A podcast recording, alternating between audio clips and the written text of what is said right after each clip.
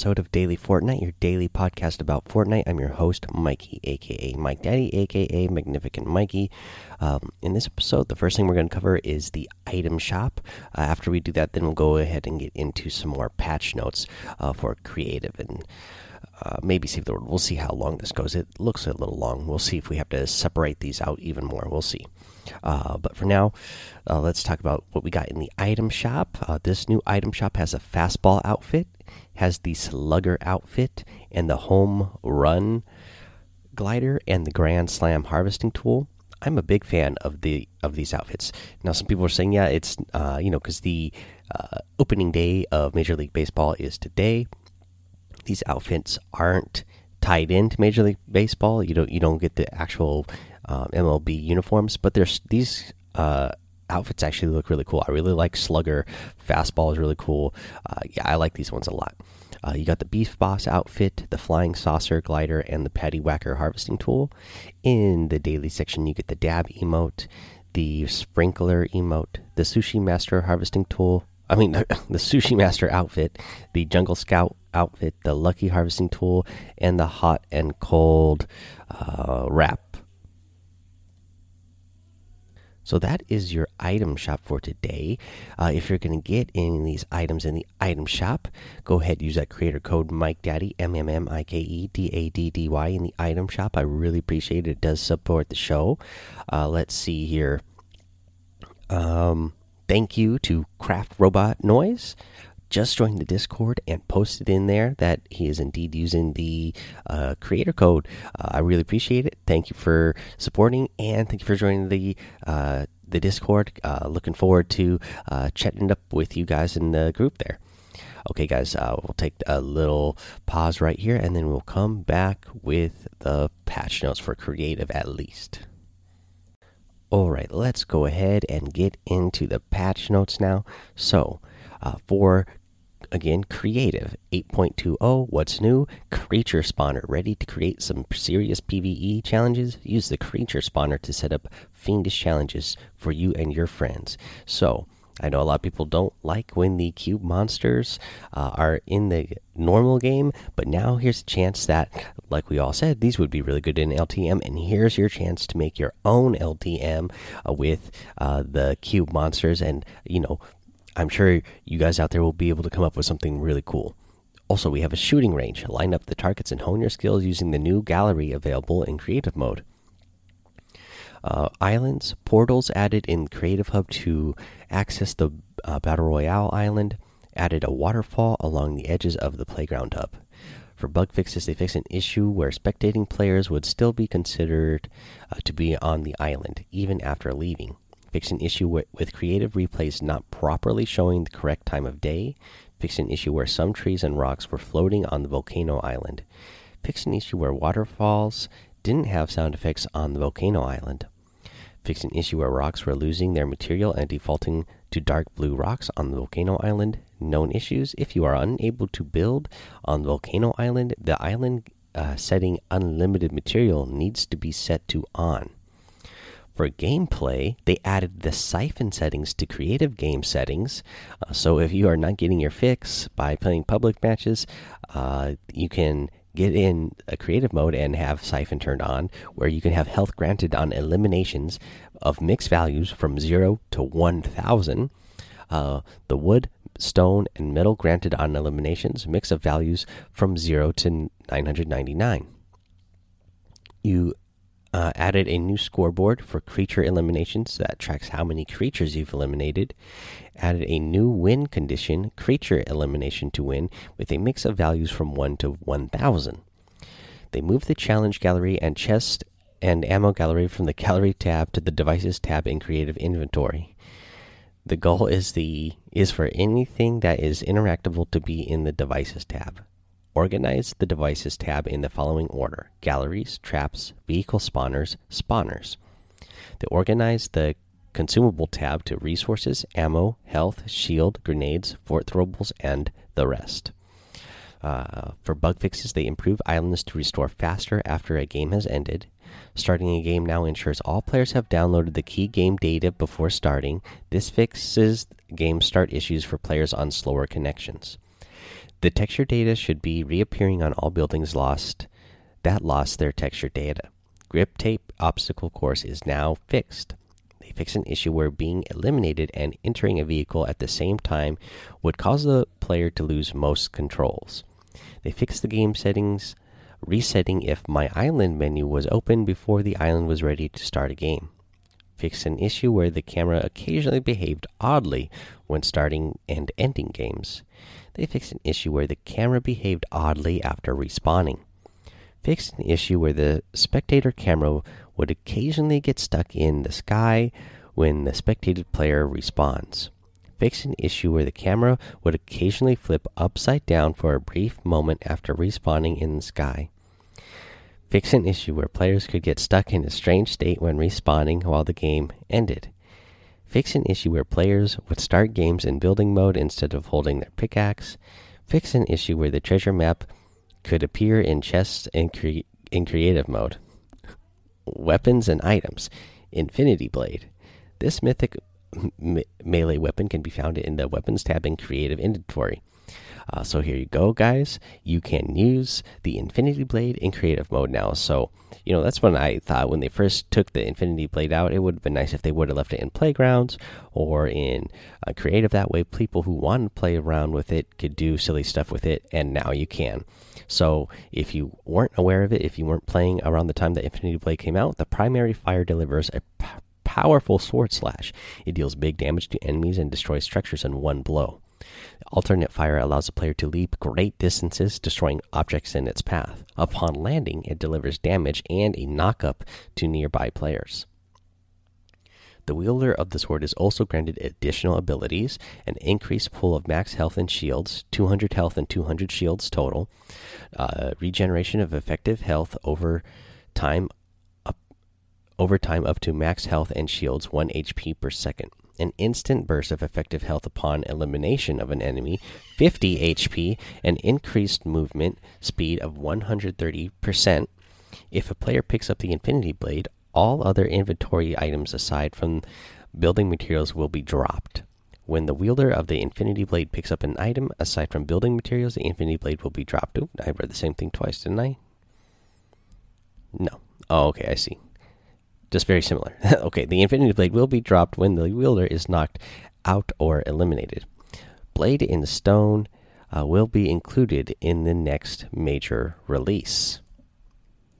Creative Tools and Phone uh, coming to the a future patch, multi select. With a button press, you'll be able to select multiple items with the phone to copy and place. This feature needed more fix uh, needed more to fix its use.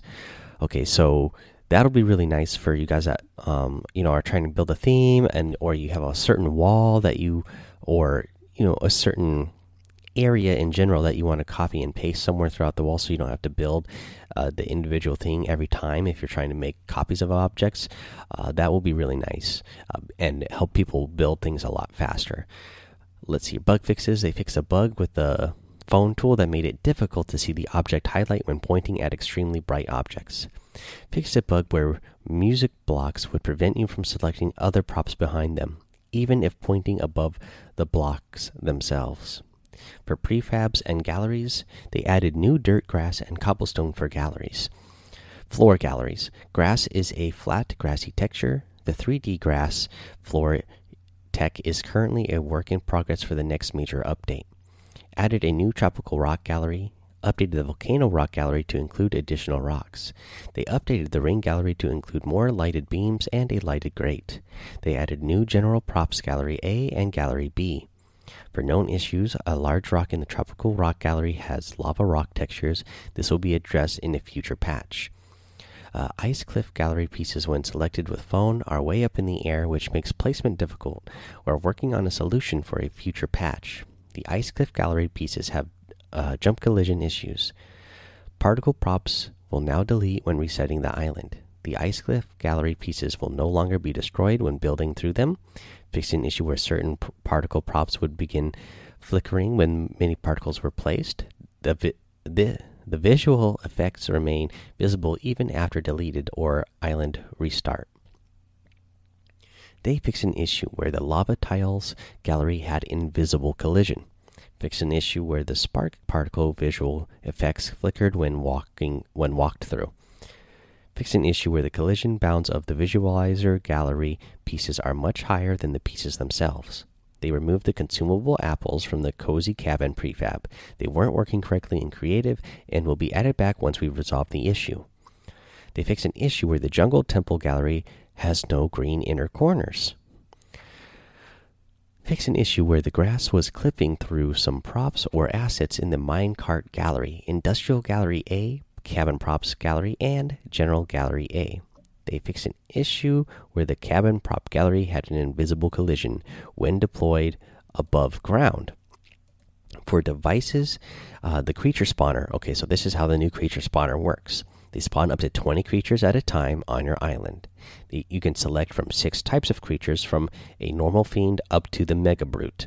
You can set the number of creatures to spawn from 1 to 20, set the total available number of spawn from 1 to infinite, set how fast they should spawn with the wave timer from 1 second to 5 minutes, set how close the players need to be for the spawner to activate from 1 tile to 15 tiles, set the distance away from players for creatures to despawn between 1 to 15 tiles, uh, set various properties on the spawner visibility, invincibility, destroying pieces on spawn, and spawn effects.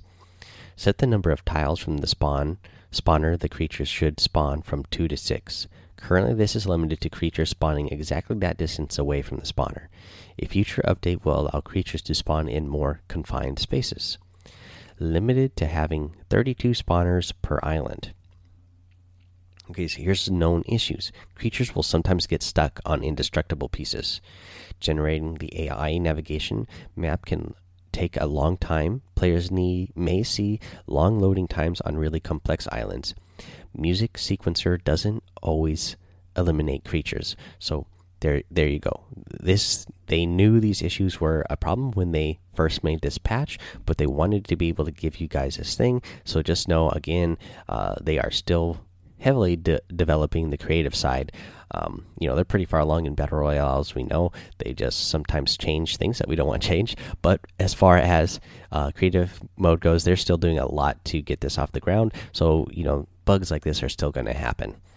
Uh, let's see here, shooting gallery.